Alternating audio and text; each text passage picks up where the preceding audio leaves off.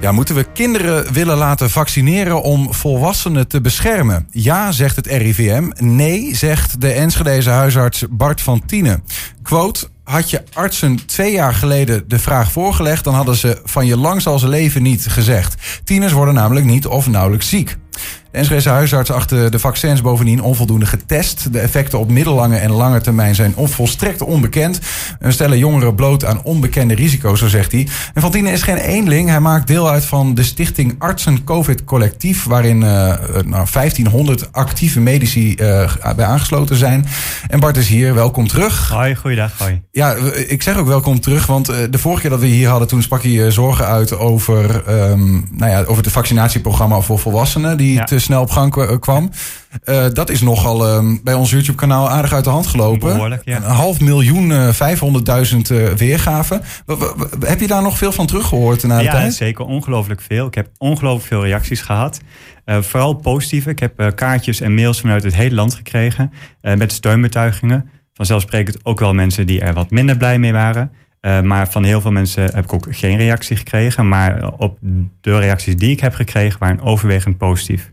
En vooral blij dat mensen hoorden dat er ook dokters zijn die ook een zorg hebben en daarvoor op durven te staan. Ja, dat er iemand is uh, in, het, uh, in die pool die zegt van ja, ik ben het er niet helemaal mee eens hoe Precies, het gaat. die gewoon hele grote zorgen ja, heeft. Ja, ja. ja. Zou ik je één ding mogen vragen, Bartje? maar zou je je koptelefoon weer op de tafel kunnen leggen? En ik hoor dat hij heel erg kraakt. Dat hoorde ik bij de vorige gast ook. En, nou ja, um, want in principe hebben we hem niet nodig, denk ik.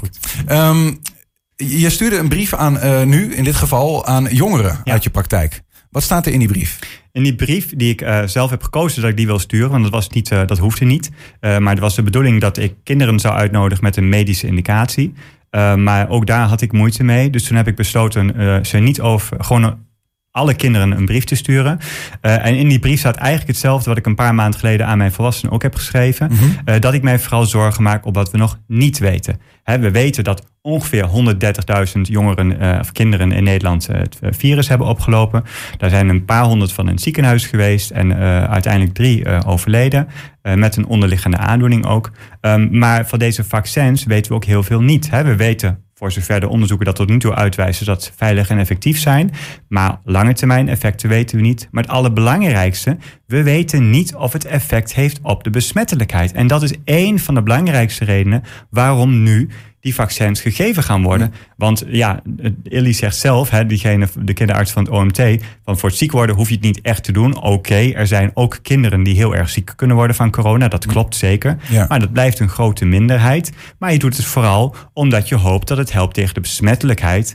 En hij zegt zelfs van ja, wie weet uh, hoeven ze straks dan niet meer te testen, want ze hebben een vaccin. Dan denk ik, dat vind ik een hele kwalijke zaak. Ja, precies. Ja, dat is wel een, wel een drastische maatregel om het testen uh, buiten werking nou ja, te stellen. Uh, precies, maar, want, want de test is eigenlijk al grote onzin. Ja, ik, overigens, ik, ik wist dat niet. Dat ik dacht, die jongeren worden ook gevaccineerd omdat ze ook ziek kunnen worden en daar mogelijk hun, de rest van hun leven in sommige gevallen last van kunnen hebben. Maar dit is dus vooral om hen eigenlijk als buffer in te bouwen, zeg maar. Zodat ze niet een besmetting doorgeven dat, aan kwetsbare ouderen. Dat, dat is de grootste zorg die wij als collectief hebben. Er zijn inderdaad kinderen die uh, zeldzame gevallen dat ze ernstig ziek kunnen worden van corona. Uh, daar over het algemeen ook wel weer van herstellen. Maar dat komt voor en dat, dat, dat is ja, een complicatie die op kan treden. En dat is heel vervelend. Mhm. Mm -hmm. uh, zoals er ook bij de vaccins bijwerkingen zijn vermeld. Ja. Die ook kwalijk zijn en ook vervelend. Um, maar daar wordt niet over gesproken. Hoe wegen die tegen elkaar op? Weet Kijk, je dat een wat, beetje? Wat, uh, ik ben geen onderzoeker. Wat ik gehoord heb is dat die bijwerkingen van de vaccinaties iets minder vaak voorkomen als de uh, ernstige complicaties bij corona voor kunnen komen Ook bij, bij kinderen en jongeren. Ook bij kinderen en jongeren. Maar dan nog heb je het in beide situaties over uitzonderlijke gevallen. Dus hele kleine aantallen. Mm -hmm. Maar zelfs of dat wetende, uh, je zegt het, de drijfveer voor het RIVM op dit moment op vaccinatie van jongeren in te zetten, is om te zorgen dat ze minder besmettelijk zijn om uiteindelijk besmettelijk, om kwetsbare ouderen is, te beschermen. Het is heel simpel. Kijk, de Gezondheidsraad heeft in twee weken tijd twee adviezen uitgebracht. Het eerste advies was heel duidelijk: alleen kinderen met een medische indicatie.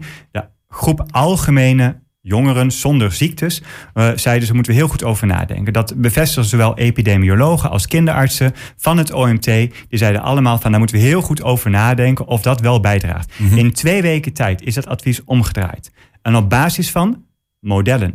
En modellen van het RIVM, modellen is kansberekening. Dus in twee weken tijd wordt op basis van kansberekening wordt een keuze gemaakt om jongeren te vaccineren met vaccins waarvan ze heel veel niet weten. Waarvan ik denk van Waar is dat voor nodig? Waar is dat goed voor? Welk risico loop je daarmee? Maar het allerbelangrijkste vind ik de boodschap die je aan jongeren geeft. Kijk, de boodschap zou zijn, moeten zijn van kinderartsen, vind ik met name. Eigenlijk moet hier een kinderarts zitten en niet een huisarts. Kinderen hebben een goed afweersysteem tegen dit corona-infectie. Dat heeft afgelopen jaar duidelijk laten zien. Want er zijn bijna geen kinderen ziek geworden. Nu geef je de boodschap, in mijn ogen, meer angstgericht van oké, het kan gevaarlijk zijn, neem maar een vaccin. En die boodschap vind ik bijzonder kwalijk. Omdat het angst inboezemt die in onnodig is. In mijn ogen ga je zo eerder angst voeden in plaats van vertrouwen hebben voor de jeugd, voor de jongeren, dat ze een heel goed afweersysteem hebben tegen corona. Want dat zijn feiten, dat zijn de cijfers die afgelopen jaar heel duidelijk naar voren zijn gekomen. Ja, ik kan me voorstellen dat er ook wordt gekeken naar de samenleving als, als geheel. Vanzelfsprekend. Um, maar, eh, eh, want dan, dan kom je op die verandering van gedachten blijkbaar die mhm. in twee weken plaatsvond. Uh, kijken naar modellen. Mhm. Waar komt die verandering van gedachten? Want waar komen die veranderde modellen dan vandaan? Geen idee. Dat is juist een hele grote vraag die ik heb. Hoe kun je op basis van modellen verwachten. Hè, want het zijn allemaal verwachtingen. En ik ben geen wetenschapper, ik sta niet aan het roer van die modellen. Maar ik vind het wel zeer zorgelijk dat je op basis van modellen opeens een ommezwaai gaat maken en toch wel een potentieel risico neemt met vaccinaties waarvan we nog veel niet weten. En maar gaat, gaat het dan over bijvoorbeeld die Delta-variant die er nu vanuit India. Dat hebben ze meegenomen in die modellen. Ze zeggen van hè, als die Delta-variant oprukt, dan heb je zoveel vaccinatiegraad nodig. Uh, dan is het belangrijk dat zoveel mogelijk mensen, dus ook jongeren, gevaccineerd zijn. En ze noemen het argument dat dat steeds minder volwassenen zich zouden laten vaccineren. Ik weet niet waar dat vandaan komt, want de voorspellingen die ik vorige week in de krant las, is dat 85% van de Nederlanders zich laat vaccineren. Nou, de World Health Organization zegt dat je 70% nodig hebt voor groepsimmuniteit in een land. Dus ja, daar zou je dan aan zitten. Ik, wat, dat snap ik zelf dus ook niet helemaal goed. Um, de, de, de ouderen die zich hebben willen laten vaccineren, die hmm. hebben dat kunnen, uh, kunnen doen. Ja. Um, dus hoezo is het dan nodig, zeg maar, om hen te beschermen? Zou, ik dan denken, ja, is niet meer nodig, want die hebben zich kunnen laten vaccineren. Ja, dat is precies dezelfde vraag die ik ook heb. Ja. En als het gaat om, om groepsimmuniteit, ja, nou ja, goed, dan, dan waakt het virus wat rond onder jongeren die daar blijkbaar veel minder last van hebben. Sterker nog, eh, ik zeg vanaf het begin af aan al, over het algemeen zou het voor jongeren niet eens zo heel slecht zijn om een corona-infectie op te lopen, want je bouwt een weerstand op. En een natuurlijke immuniteit die we allemaal op kunnen bouwen en die ook al wel heel veel mensen opgebouwd hebben afgelopen jaar, mhm. is hartstikke goed die blijft heel lang bestaan. Is de allerbeste immuniteit die je kunt hebben. Wat zou eigenlijk zeg maar, de, de, de vaccinatiegraad onder uh, ouderen moeten zijn om vaccinatie van jongeren onnodig te maken? De World Health Organization heeft een, al een half jaar geleden een statement uitgedaan van zij verwachten dat 70% immuniteit, dus vaccinatie of natuurlijk immuniteit in een, in een bevolking van een land voldoende zou moeten zijn. Dat, dat is de cijfers die ze naar buiten hebben gebracht. De dus laatste keer dat, ik op de site van het RIVM keek, waren het, was het volgens mij wel 90 procent ja, precies. Er wordt heel, eh, de, de cijfers nu zeggen dat ongelooflijk veel mensen zich hebben laten vaccineren. Hoe, eh, maar is, het, is de, de, het onbegrip wat ik hierover heb, leeft dat net zo bij, bij jou of zie ik iets? Snap ik? Is, zie nee, ik nee, nee, dat, dat zie je heel goed. Dat, ik begrijp het ook niet. Ik begrijp het echt niet. Maar wat is, de, wat is het statement als het RIVM hierover wordt gevraagd? Of zeg maar, wat, wat, wat zijn dan de antwoorden daarop? Nou, eh, zoals ik het begrijp, zeggen zij: wij willen gewoon eigenlijk echt zoveel mogelijk mensen en jongeren, iedereen die het virus kan krijgen en over kan dragen, vaccineren. Punt. zodra het maar veilig is om een vaccin te geven, bieden we dat aan. En tot op zekere hoogte zou ik dat kunnen begrijpen als je vaccins hebt waarvan je ook echt alles weet. Dit zijn nieuwe soorten vaccins, dat heb ik de vorige keer ook gezegd, waarvan we mhm. heel veel niet weten. Het zijn mRNA-vaccins. Hetzelfde geldt voor het virus, hè? dat is de, telkens die kanttekening. klopt, klopt, het virus weten we ook veel niet van, maar ondertussen wel veel meer dan van de virussen, van de vaccins.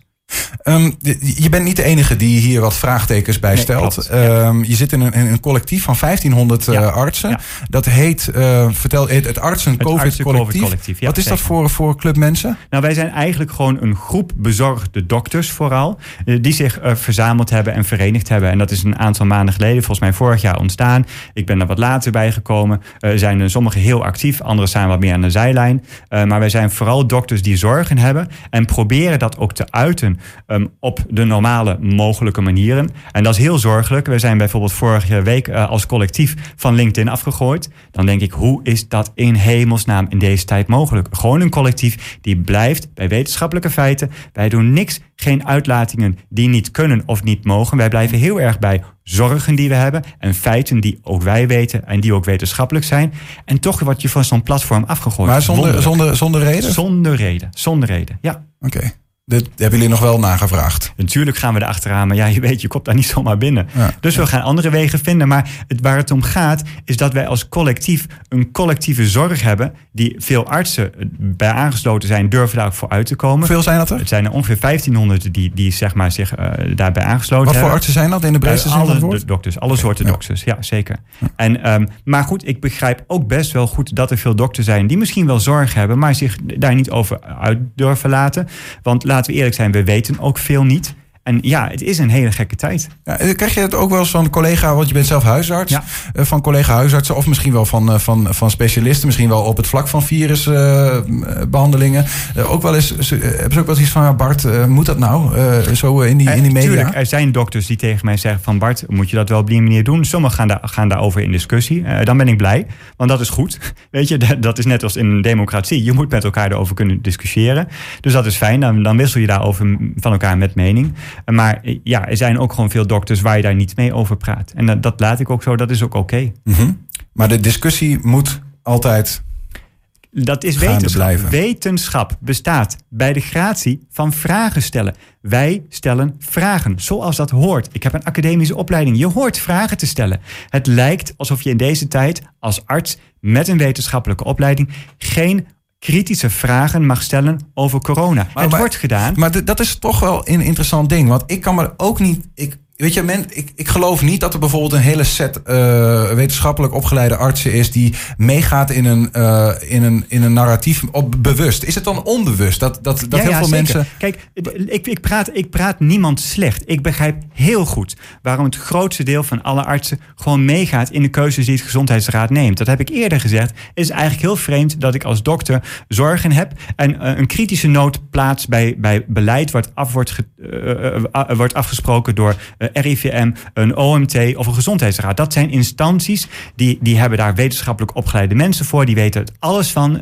het is heel vreemd eigenlijk dat ik als dokter daar kritisch tegenover sta. Maar mm -hmm. er zijn ook heel veel gekke, snelle ontwikkelingen. Ja. Wat maakt dat ik daar kritisch tegenover sta. En wat zegt eigenlijk, want de NHG is de, de koepel van ja, de wetenschappelijke ja. instituut van de huisartsen, ja, toch? Klopt, Wat zeggen die eigenlijk over deze ontwikkelingen? Kijk, voor zover ik dat volg, uh, uh, natuurlijk, ik bedoel, ik krijg daar de informatie van, maar zij volgen gewoon de inzichten die we tot nu toe weten. En kijk, de onderzoeken die we tot nu toe weten en, en waarnaar gerefereerd wordt, ja, die zeggen het is veilig en het is effectief. We weten dat dat niet voor de lange termijn is. Mhm. Maar goed, dan, dan zeggen ze ja, onder het mom van de pandemie moeten we die keuzes maken. Dus gaan ze mee in de adviezen die het OMT en het RIVM bijvoorbeeld afgeven.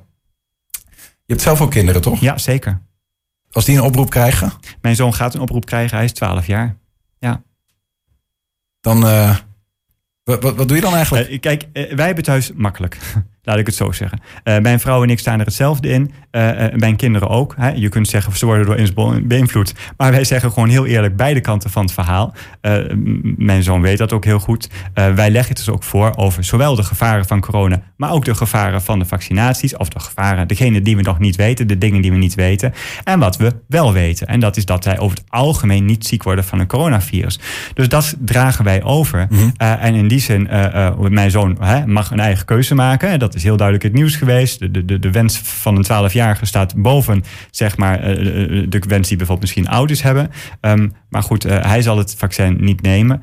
Maar wat ik eerder gezegd heb, wat ik zorgelijker vind, is wat wij als volwassenen, als dokters, uit te dragen naar kinderen. Wij hadden uit moeten dragen, wij hadden moeten voorkomen dat er aan keukentafels discussies komen. Want er gaan heel veel discussies aan keukentafels komen. Moet ik het wel of niet doen? En dat is niet correct. Wij als volwassenen hadden op moeten komen voor onze jongeren en zeggen: luister, het is voor jullie niet nodig om een vaccin te nemen. Jullie hebben een goede afweer over het algemeen, uitzonderingen daar gelaten. Vertrouw daarop. Ga niet zinloos testen, want dat is ook belachelijk. Geef gewoon volledige vrijheid aan jongeren om te doen en te laten wat ze kunnen. En dat is voldoende. Ook als de modellen anders zeggen. Absoluut, absoluut. Duidelijk. Bart van Tienen, dank voor de komst naar de studio. Dankjewel.